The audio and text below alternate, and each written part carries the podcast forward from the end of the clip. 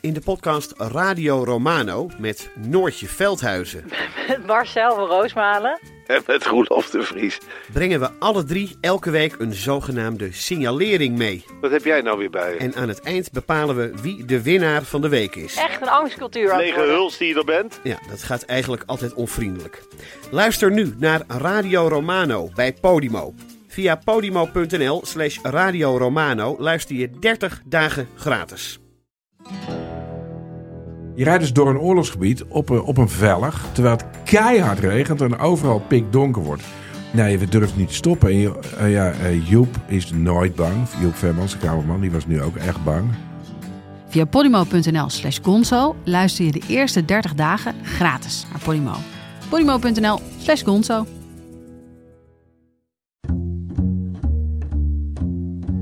Hallo, vanaf de redactie van de Groene Amsterdammer is dit uw wekelijkse podcast. Ik ben Kees van der Bos.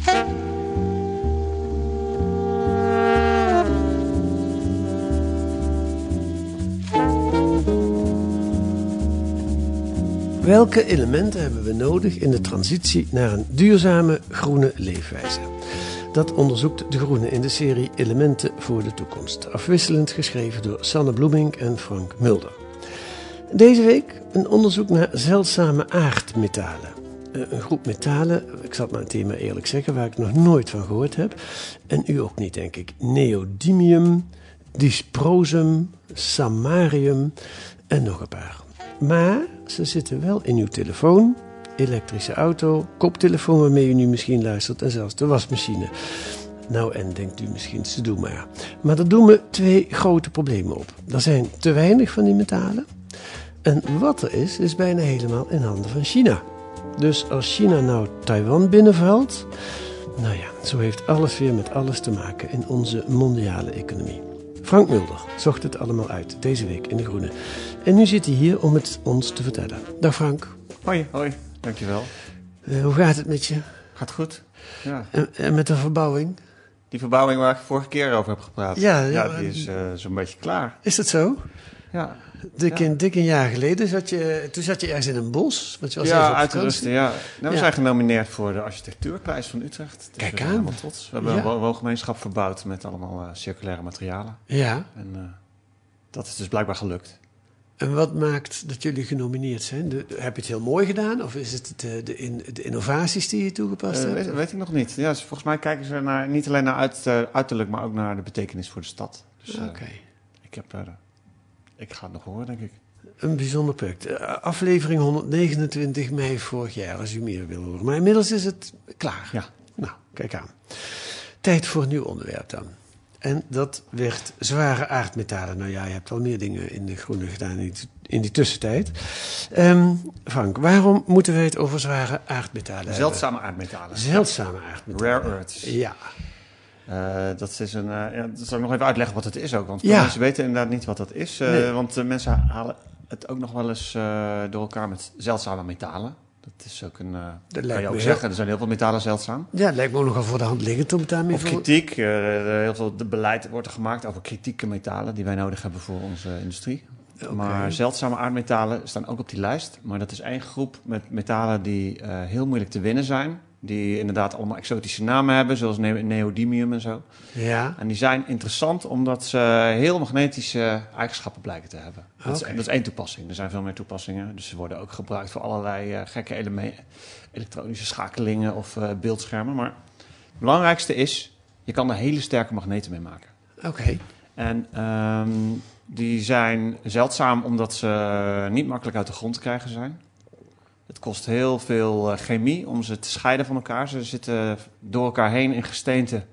En vaak ook met eh, radioactieve metalen. Ja. Dus het- E- Even dat is nog, moeilijk.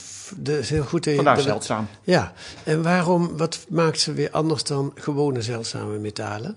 Nou, als je eh, te weinig koper uit de grond haalt, wordt dat zeldzaam. Ja. Ik, zeg, ik zeg maar iets. Maar mensen Ja, denken van, oh, dat zijn allerlei metalen waar we niet veel van hebben. Ah, en dit is echt... eh, misschien een kobalt komt niet veel voor in de wereld, bijvoorbeeld. Nee, Dus ja. dat noemen sommige mensen dan zeldzaam. ja, Maar eh, dit komt heel veel voor. Het zit op allerlei plekken. ja. Maar ja, je haalt het er niet zomaar uit. En waarom heten ze dan toch zeldzame aardmetalen? Ja, ze zijn schaars. Op de, ze, je, ziet ze dus in, je ziet ze weinig in pure vorm. Ja, ja, ze komen wel veel voor in de wereld. Daar gaan we het allemaal nog over hebben. Maar dan heb je ze nog niet zomaar in je telefoon. Ja, ik zag een kaartje van Europa bijvoorbeeld met, eh, van geologen met, ik geloof, 30, 40 potentiële vindplaatsen van die metalen. Ja, geen, Dus- pro- geen probleem dus Nou, nee, eigenlijk. graven. Ja, wat is het probleem? Ja.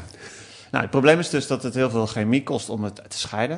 Er zijn heel veel stadia voor nodig. Vergruizen en dan eh, met zuur behandelen. En dan haal je ste- Volgens mij in elke stap haal je er eentje uit. Je kan dan eh, twee... nou, je kan dan twee verschillende gewichten of magnetische eigenschappen of wat dan ook kan je van elkaar scheiden. Ja, ik ken dat proces van het, het, oplossen van radioactief afval. Daar, daar gebruiken ze ook heel veel zuur, chemische baden om Ja. steeds eh, Ja. stoffen te isoleren. En dat ge- geeft een hoop vervuiling. Ja, precies. Dus eh, dat is niet een gewenste mijnbouw voor veel mensen. Veel mensen willen dat niet. Nee, Dat is heel moeilijk, heel duur. Ja. En toen bleek dat China allemaal wat minder moeilijk daarover deed in de jaren 90, 2000. En dat China langzaam die mijnbouw eh, overnam. En dat iedereen het daar wel. Daar, nie- niemand kwam daar tegen het verweer. Niemand gaat protesteren omdat de vervuiling verdwijnt uit je achtertuin. Dat is een win-win situatie. Ja, Zo en- leek het. Ja, en toen in de, eh, een jaar of tien, twaalf geleden begon China ineens moeilijk te doen en een exportstop af te kondigen.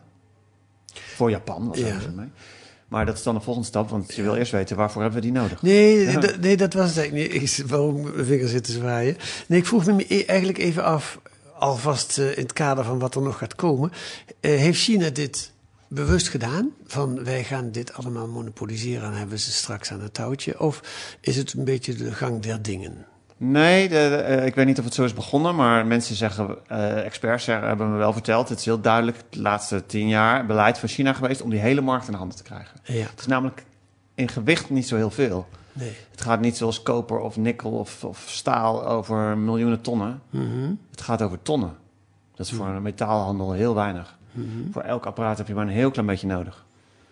En dat neemt wat toe natuurlijk als het apparaat groter wordt. Dus in een windmolen zit bijvoorbeeld eh, 200 kilo van, eh, van dat eh, zeldzame aardmetaal. Zo'n groot- enorme windmolen, hè? ja, ja. Dus dat is relatief niks. En hier in die mobiele telefoon. Die Ja, een paar gram. Ja, maar het moet er wel in. We moeten in, omdat het, eh, doordat het zo sterk magnetisch is, kan je daarmee alles heel klein maken. Dus alles wat wij klein willen hebben en Ja. draagbaar en licht en goedkoop. Je hebt minder koper nodig, minder nikkel nodig. Ja. Elektrische auto ook. De accu kan veel kleiner, of de motor kan, sorry, de, het zit in de motor van de elektrische auto. Die kan veel kleiner als je dat metaal hebt. Ja. Dus alles is daar steeds meer op gebouwd. Dus de markt draait steeds meer om, dat metaal, om dat, die groep metalen, Ja. met name neodymium. En eh, China heeft de mijnbouw overgenomen, maar ook de verwerking Ja. en de scheidingsprocessen. En het, eh, het eh, legeringen maken en het ombouwen tot magne het magnetiseren. Ja, allemaal Al die stappen? Ja, Dus het is heel lastig om één stap eruit te halen. Want stel dat je hier die mijnbouw zou, eh, zelf zou doen. In eh, Noorwegen kan je een mijn beginnen en dan kan je dat uit de grond halen over tien jaar. ja. Dan moet je het vervolgens naar China brengen, omdat je, ja, omdat je het alleen maar daar kan scheiden. Je hebt hier in Europa geen fabriek die dat kan scheiden. Nee. Laat staan onder een zo'n klein magneetje. Ja, er is één fabriek in Estland die wat scheidt. Eh, dat is een hele oude fabriek. En ik heb twee magneetproducenten gesproken. Ja, Eentje heeft het overgebracht naar China vanwege dreigende ex- exportstop. Dus die zeiden we kunnen beter ons in China vestigen, dan is het veilig. De ander doet het nog in Duitsland. Die levert aan windmolens. ja, Er is nog maar één magneetfabriek in, eh, in Europa. ja. En die heeft een heel klein deel van de markt. En de rest van die hele keten is dus weg. En eh, nou, de wereld schuift dus onrustig van in tijden van crisis. Hoe komen wij aan dat spul? Want we Ja. hebben het ook nodig voor onze Joint Strike Fighter of voor ja. Nou onze ja, en waar, waar ik dan nu bij, en iedereen aan begint te denken, aan eh, het Russisch gas. Eh, we krijgen ruzie met Rusland, valt de Oekraïne binnen en we krijgen een enorm probleem met de gasleveranties. Iets soortgelijks gaat er dus gebeuren als we echt ruzie met China krijgen. Maar dan niet met gas, maar dan met aardmetalen eh, waar we nog nooit van gehoord hebben. Ja, en dan heeft China natuurlijk veel meer in de handen waar wij, wat wij missen. Eh, speelgoed, goedkoop speelgoed. Of eh, Medicijnen. medicijnen. Speelgoed is een beetje flauw om te noemen. Dan kan je, denk je, dan doen we geen Barbies. Maar we hebben ook heel duur speelgoed waar, waar wij China voor nodig hebben. Maar dit is wel een, een hele kleine cruciale sector. Een hele Ja. kleine sector die ze dus makkelijk hebben overgenomen, relatief. Ja, Ja. Door die vervuiling te accepteren. ja. En hebben ze ons in de tang. Ja. En, en, en het wordt nog vervelender, want als ik jouw artikel goed begrijp, het is eigenlijk ook niet op te lossen. Tenminste niet binnen nu in vijf of tien jaar. Nee, Eh, want dat Want, is dus wel ja. het plan van eh, heel veel mensen in Europa, eh, in, in die magneetfabrieken die we nog hebben en in de industrie en mijnbouwers die, die zeggen, Europa, kom in actie. Wij willen dat hierheen halen. Al die linkse mensen, maar er wordt veel geklaagd. Al die inspraak, wij moeten dat versoepelen. Wij moeten die mijnbouw hierheen halen. Ja, want En dit is... Eigenlijk hebben ze wel een beetje gelijk. Ja, Want het is natuurlijk heel makkelijk om eh, elektrische auto's en groene energie te gebruiken. En dan de vervuiling aan China te laten. ja. Dat is, in feite is dat... Eigenlijk was dat mijn eerste... Ik dacht dat dat mijn conclusie zou worden. Van een soort pleidooi voor... Zouden we toch als milieuvriendelijke, natuurminnende mensen... niet eens, niet eens in actie moeten komen voor mijnbouw hier om de hoek. Omdat dat eerlijk is. Ja, Eh, dat, is dat is eigenlijk één stapje in mijn verhaal. ja, Het wordt, daar ben ik niet uniek in. Heel veel mensen hebben dat intussen, eh, roepen dat intussen. ja. En eh, Europa heeft een flinke lobby opgezet eh, in samenwerking met de industrie om die mijnbouw hier van de grond te krijgen. ja. En die verwerking. Maar toen ontdekte je eigenlijk nog iets veel ergers. Ja, wij kunnen dat wel hierheen halen. Dat geeft allemaal problemen. Het wordt natuurlijk over de rug van lokale groepen gedaan die daar helemaal geen baat bij hebben. Maar, maar oké, misschien moet dat. We krijgen, stel, we krijgen de neuzen dezelfde kant op. Stel, we krijgen geld en een industrie mee om dat hierheen zelf te, eh, hierheen te halen, zelf te doen. Mhm. Dan nog, zeggen, zeggen analisten mij, acht, achter de rug van die conferentie om. Ik zat op zo'n conferentie met al die bobo's en die zei, ja, ze kletsen hier maar wat. Het is er helemaal niet. Er is helemaal niet genoeg. Dus wij hebben, als wij hier zelf mijnbouw gaan doen, hebben we ook de Chinese mijnbouw nodig. We hebben Europese mijnen nodig en Australische en Chinese. Anders hebben wij nooit genoeg. Alle hens aan dek. Alle hands aan dek. En zelfs dan hebben we niet genoeg. Dat is, is het ook nog geluid wat dus mensen Ja. uit de handel zelf maar vertellen. Dus Ja. er zitten heel veel op zo'n conferentie over die metalen zitten heel veel mensen van de Europese industrie die zeggen: Europa, als we daar genoeg geld tegenaan gooien, dan kunnen we dit. Ja. Er zitten beleidsmakers die zeggen: als wij met z'n allen dit gaan doen, dan kunnen we dit. Ja. Je moet misschien ook eh, de mensen meekrijgen. En dan achterin zie je eh, investeerders zitten. Ik heb met mensen gepraat die mijnen bezitten. Ik heb met mensen gepraat die magneetfabrieken bezitten. Ik heb met de grootste Chinese producent ter wereld gepraat, die aan Europese bedrijven levert. Is dat die Nederlander in... eh, Ja, en in, in mijn stuk eh, praat ik met een Nederlander die, Ja. eh, die is eh, van het Europese filiaal. zeg ja, toen dacht ik even, nu zit hij in een Nederlandse fabriek, maar dat bleek een Chinese fabriek, Ja. of tenminste een Chinese handel te zijn. Ja, Ja. ja. En Die, zeggen ja, in feite even in mijn eigen woorden, want dat zijn mensen die hebben natuurlijk allemaal eh, beursgenoteerde bedrijven en die mogen niet zoveel zeggen. Maar als ik naar hun ogen kijk, zeggen ze, gaat hem niet worden. Ja. Ja. En dat is dus een tweede probleem. Dus het eerste probleem is, hoe komen wij af van... hoe- zouden wij niet eens in Europa die vervuiling moeten accepteren? Stap twee, zelfs als, als we dat doen, dan komen we er niet. Ja. Dus sommige mensen zeggen echt tegen mij... al die windmolens en elektrische auto's die wij in 2030 of 2035 willen bouwen... we hebben allemaal onze targets en onze doelen om dat te halen... Eh, Het kan niet allebei. En dat, dat, zegt, dat weet eigenlijk niemand. Dat dringt niet door. Nee. En, Dat is een, ehm, boodschap die wij in het Westen eigenlijk ook helemaal niet willen horen. Nee, dat gaat dan op de korte termijn. Hè? Want dit zijn, dit zijn plannen die wij in 2030, 2035 willen, omdat het klimaat zo dringend is. Ja. Ik zeg niet dat het in 2050 niet kan, want je, eh, maar het kost 10 jaar om een mijn op te zetten als je alle, in alle vergunningen gelijk krijgt. Ja. Alle procedures. Ja. Ja. Dus als iedereen het ermee eens is en je vindt investeerders, dan kost het ongeveer 10 jaar om een mijn op te zetten. Dus ik ben bij zo'n mijn geweest in Noorwegen, op een plek waar het in de grond zit. Ja. Met een dorp wat eh, heeft vroeger een ijzerindustrie ge- ge- gehad. Die zijn blij dat er weer een nieuwe economie kan komen. Die zeggen, wij gaan bijdragen aan een groene economie. Ga het hier uit de grond halen. Wij zijn Noren, wij kunnen het op een schone manier. Democratisch. En ehm, ja, die mensen die daarin zitten, die zeggen, we zijn, het kan, het kan. Maar we zijn al vijf jaar bezig. We zijn al acht jaar bezig. Het recht- geld is nog steeds niet rond. De overheid moet achter ons gaan staan. En als ze dat doen, kost het nog x aantal jaar. Ja, ja, ja. Ja, nu is. Ja, nee, dit, dit is een, eh, een, een, eh, een soort doemscenario eigenlijk, hè, wat, je, wat je schetst. De, de, wat, is, wat, wat is dan de oplossing in het, eh, in het kapitalisme over het algemeen? Als iets heel schaars is, dan gaan de producenten er omheen. Dan gaan ze gewoon iets anders verzinnen. Dat ze die zware, zeldzame aardmetalen niet meer nodig hebben. Ja. Kan dat in dit geval? Nou ja, eerst nog één stapje. In het kapitalisme zou je zeggen, als het schaars is, dan wordt de prijs hoger. Ja, dat en ook. Dan kan, Ja. dan kan stampt iemand het ergens wel uit de grond. Ja, wordt het rendabel, wordt Ja. wel gauw rendabel. Ja. En dat werkt dus niet als je iemand hebt die zich daar niet aan houdt, een speler. Dus als een China kan de markt domineren, die kan dus fabrieken openen wanneer ze willen en ook weer sluiten wanneer ze willen. Ook in China zijn geen nieuwe mijnen in aanbouw, maar ik neem aan dat ze dat wel zouden kunnen als ze het zouden willen. Alleen China heeft daar geen enkel belang bij. Ja. Hoe weet je dat trouwens? Want is dat bekend dat er geen nieuwe mijnen in aanbouw zijn in China? Ik kan me zo voorstellen dat dat niet zo open op straat ligt. die Ja, ik heb, eh, ik heb wel met mensen gesproken bij eh, bijvoorbeeld iemand van een investeringsbank die analist is op het gebied van zeldzame aardmetalen en die Ja. alle mijnen heeft geïnventariseerd. Ja. Ehm, er worden wel mijnen of verwerkingsfabrieken vergroot. Dat is ook wel bekend. Ja. Er zijn wel best wel dingen bekend. Ja. Het is ook niet zo dat dat allemaal bedrijven zijn die, die, eh, die doen alsof ze namens Peking handelen. Dus dat zijn soms beursgenoteerde bedrijven en eh, gewoon goede zakenpartners. Ja.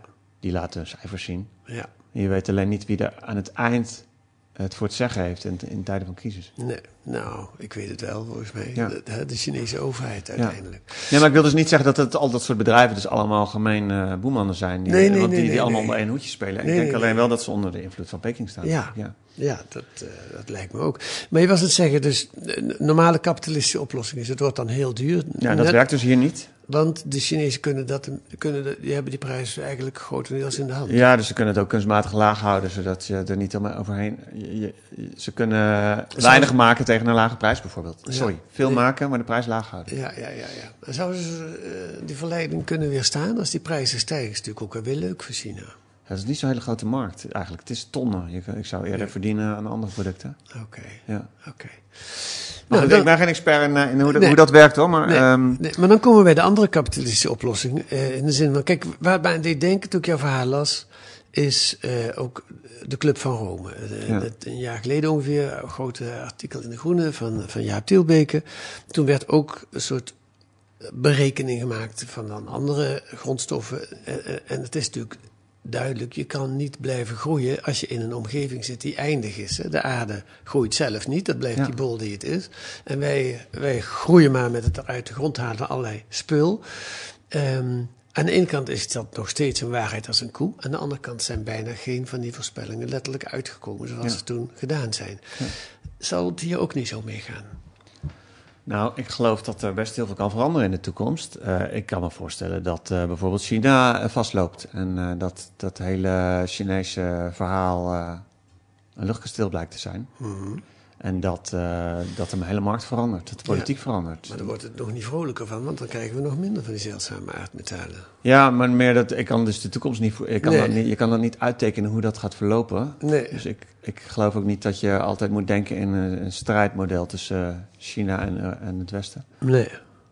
Ehm, maar j- ja, je bedoelt ook dat er andere oplossingen worden gevonden. Dus Ja, als bijvoorbeeld. je die metalen niet hebt, dan ga je een ander soort elektrische auto bouwen. Ja, of een ander soort mobiele Ja, telefoon. dat kan, alleen er zijn, eh, volgens mij zijn er geen metalen gevonden die zo magnetisch zijn. En je zal dus veel grotere magneten en motors moeten maken om hetzelfde te bereiken. En is dat dramatisch, dat verschil? Eh, nee, het kan. Nee, er zijn elektrische auto's die het niet hebben. Maar die zijn groter en die Ja. kunnen minder ver. En dan heb je dus veel meer koper en nikkel. Of Ja. wat, dat soort spul heb je veel meer van nodig. Ja, Waar we ook al in een race zitten, hè, internationaal. ja. Eh, dus dat zal voor, dus op zulke grote schaal heel moeilijk zijn. Maar het, het is dan het enige alternatief. ja. Maar kost meer geld. Kost meer energie. Ja. Kost ruimte en gewicht. En dat verandert gewoon ons, ons plaatje. Dus ik wil wel een soort... ehm, ja, ik vind het niet zozeer een doemscenario, maar meer een, eh, een, een realiteits... Hoe heet het? Een realiteitscheck. Van onze, onze droom om alles wat we nu doen groen te maken... Ja, ja want loopt daar, tegen muren. Dat Ja. dat kan dus niet nee, zomaar. daar heeft het mee te maken. Daarvoor Ja. is het juist ook zo nodig, dat die eh, zeldzame aardmetalen. En daar gaat het knellen ook. En Daar gaat het knellen. Dus ik denk, maar dit is maar één voorbeeld. Want er zijn heel veel andere metalen waar het, waar het knelt. Ja, Alleen dat duurt misschien nog langer. Deze zien wij op korte termijn. En eh, we zien het nog niet trouwens, maar op korte termijn zal er wel wat schip keren. Want als het er niet is, het er gewoon niet. ja, En eh, in tijden van crisis, als de export stopgezet wordt, eh, of er zijn andere blokken die wel vriendjes willen zijn met China en die krijgen alles, dat kan ook. ja. Dan hebben wij een probleem. En dan gaan onze windmolens en elektrische auto's niet van de grond van de Ja. fabrieks, vanuit de fabriek rollen. En wat het mij dus leert, is dat wij niet moeten proberen om ons huidige leven helemaal groen te krijgen. Wij moeten ons huidige leven veranderen. Het, het- iemand zei tegen mij, eh, zei het zo van, als wij alle, al onze auto's zouden vervangen door groene auto's, elektrische auto's, zou het verschrikkelijk zijn. Je wil niet een wereld met, je wil niet een Nederland met, hoeveel auto's hebben wij? 6 miljoen auto's of zo? Hoeveel? Zes miljoen, ja, een paar miljoen, een aantal miljoen in elk geval, ja. Ja, en je wil ook niet een Nederland met een paar miljoen elektrische auto's. Dus we zullen dan toe moeten naar een ander transportsysteem. We zullen toe moeten naar niet allemaal meer een auto hebben. Ja, En dat is heel vervelend om te horen. Want je hoopt dat je door kan leven, en dan, maar dan groen. ja. Nee, dat ben ik helemaal met je eens. En, maar dat is wel eigenlijk een heel ander verhaal. In de zin van, dat is een soort inzicht wat je, Ja. wat, je, wat, je, wat je kunt hebben en wat veel mensen hebben. En waardoor je de economie moet veranderen. Maar dat is een heel ander verhaal dan dat het zal gebeuren onder druk van... Kijk, wat, je, wat jouw verhaal voor mij illustreert, is weer een zoveelste barsje in de droom van de mondiale economie. Waarin eh, eh, vroeger was het ook in, in, onder liberalen misschien nog steeds wel erg in om te zeggen: ook met dictators moet je handel drijven, want dan, dan worden ze een beetje verstandiger van als ze aan ons spullen voor. Hoe dat precies werkt, heb ik nooit helemaal begrepen. Maar het blijkt nu.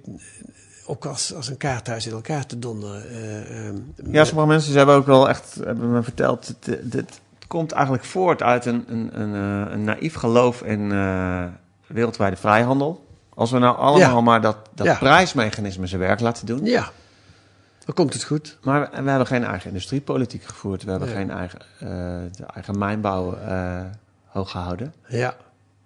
Ja. Vast met hele goede redenen, want het is geen leuke mijnbouw. Maar ehm, als je zo blijft geloven dat de prijs het oplost in de wereld, dat, is niet, ja, dat, dat was naïef. Ja. E- Even iets heel anders, hè? want ik denk voordat jij in dit verhaal begon dat je ook geen echte expert was in de eh, zeldzame aardmetalen. Nee. Hoe, hoe, hoe, hoe gaat zoiets? Hoe pak je zo, zoiets aan? Ja, we hebben een, eh, natuurlijk be- bedacht om een reeks aan elementen te, te onderzoeken. En dan, dan je bij elkaar te zoeken wat zijn nou interessante speerpunten. Want eh, elk element kan je precies hetzelfde verhaal vertellen over Ja. hoe mijnbouw werkt of hoe, hoe China de vinger in de pap heeft.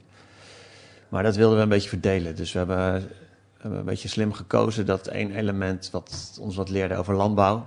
Eén element leert ons wat over, Fosfor was eh, over mijnbouw in Europa. Dat was lithium. Ja, Eén element leert ons, eh, eh, we hebben waterstof genomen over Ja. de waterstofeconomie waar we naartoe willen. We gaan Ja. nog uranium nemen, dat gaat meer over het afval. Hoe gaan we daarmee om? ja. Eh, ik heb onderzoek gedaan naar kobalt. Ja, Het Congo, kobalt ligt op allerlei onbereikbare plaatsen. En hoe ver gaan we daarin? Eh, gaan we zelfs de ruimte in om het te zoeken? ja, Eh, dus de- zo hebben we steeds geprobeerd elk element te koppelen aan één, eh, sp- één eh, belangrijke kwestie. Ja. Eén kwestie die erin moet is natuurlijk China. En ik heb het gezocht in alle tabellen en eh, in ieder geval kritieke metalen. En waar is, is schaarste en waar China de dominantie het grootst. Toen kwam deze eruit ja. eh, als, als perfecte voorbeeld. ja. En toen, toen, dook je, toen kreeg jij... Toen dacht eh, ik, oké, dan moet ik eh, uitzoeken wat. eh, Hebben we dat nodig? Zit het echt in windmolens? Dat wist ik niet eens, maar er zitten dus een paar honderd kilo in Ja. windmolen. Ja, maar dan begin je dus als pure leek aan zo'n onderwerp. En dan ga je... Wat ga je dan doen? Ik zoek altijd wat experts die me kunnen, wegwijs kunnen maken. Want je kan heel veel lezen, online kan je heel veel vinden, maar ik kan nooit goed beoordelen of dat de, de kern is of niet. Ja. Dus ik heb me ingeschreven voor eh, een paar seminars online, met, eh, waar bijvoorbeeld investeerders aan meedoen. Daar moet je veel voor betalen. En dan gaan de experts van de wereld, de analisten, gaan vertellen hoe die markt zich ontwikkelt. Ah, ja. Die hebben allemaal al cijfers over de elektrische auto, prognoses en zo, die ik niet zo uit mijn hoed kan toveren. Eh, ik kwam in Delft iemand tegen, Benjamin Sprecher, die onderzoeker is aan de TU daar onder andere. En Gespecialiseerd. al tien jaar bezig is met eh, zeldzame aardmetalen. Dat helpt, ja.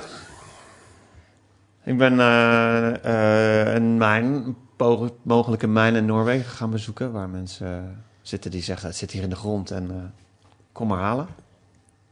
Oké, nou nee. de- En zo, zo kom je Ja. steeds verder. En dan, dan, de kunst is dus om. Het is zo'n complex veld. Je kan het niet van internet halen, dit nieuws. Nee. Dus je moet, eh, je moet in mensen in de ogen kunnen kijken om te weten wie er wanneer wat zegt. Om te weten wat zijn.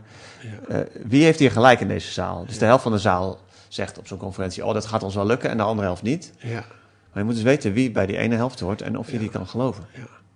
En als ik het goed begrijp, is voor jou het grote nieuws, want het is op zich zijn er wel eens vaker verhalen over geschreven. Ja, niet dat ik ze gelezen heb, maar het schijnt wel eens vaker over geschreven te zijn.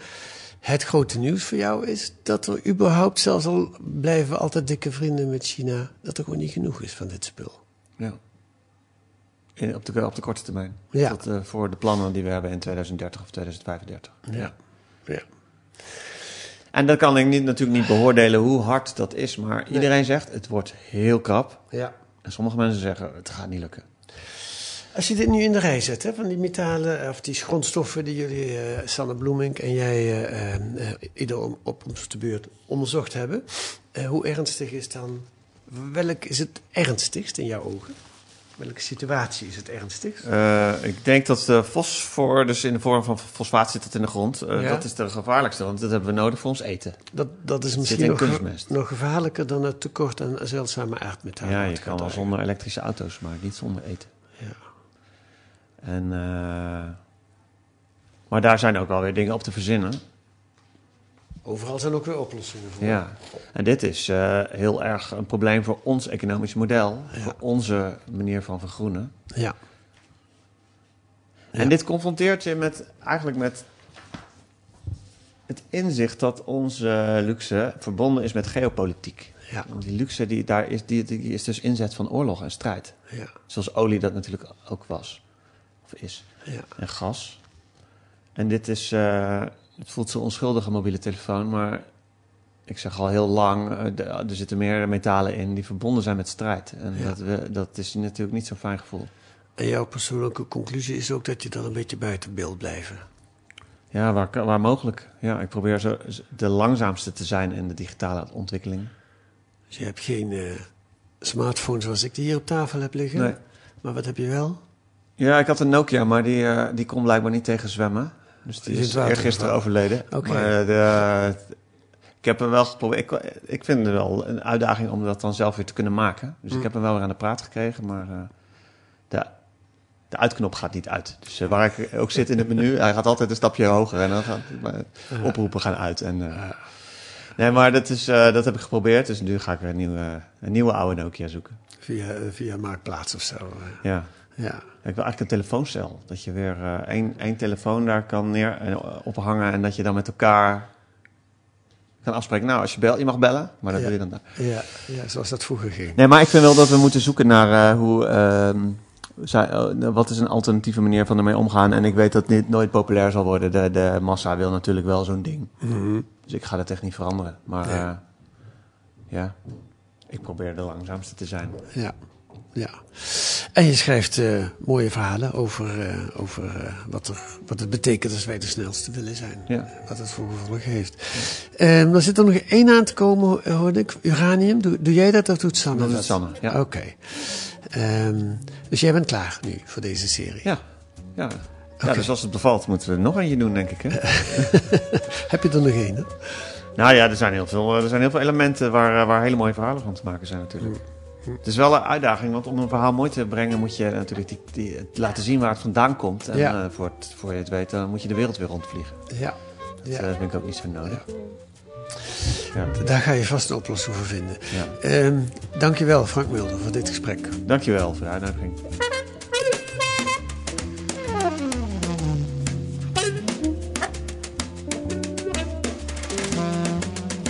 Lees deze week in De Groene ook een coververhaal over effectief altruïsten. Altruïsme, eff- eff- effectieve altruïsten.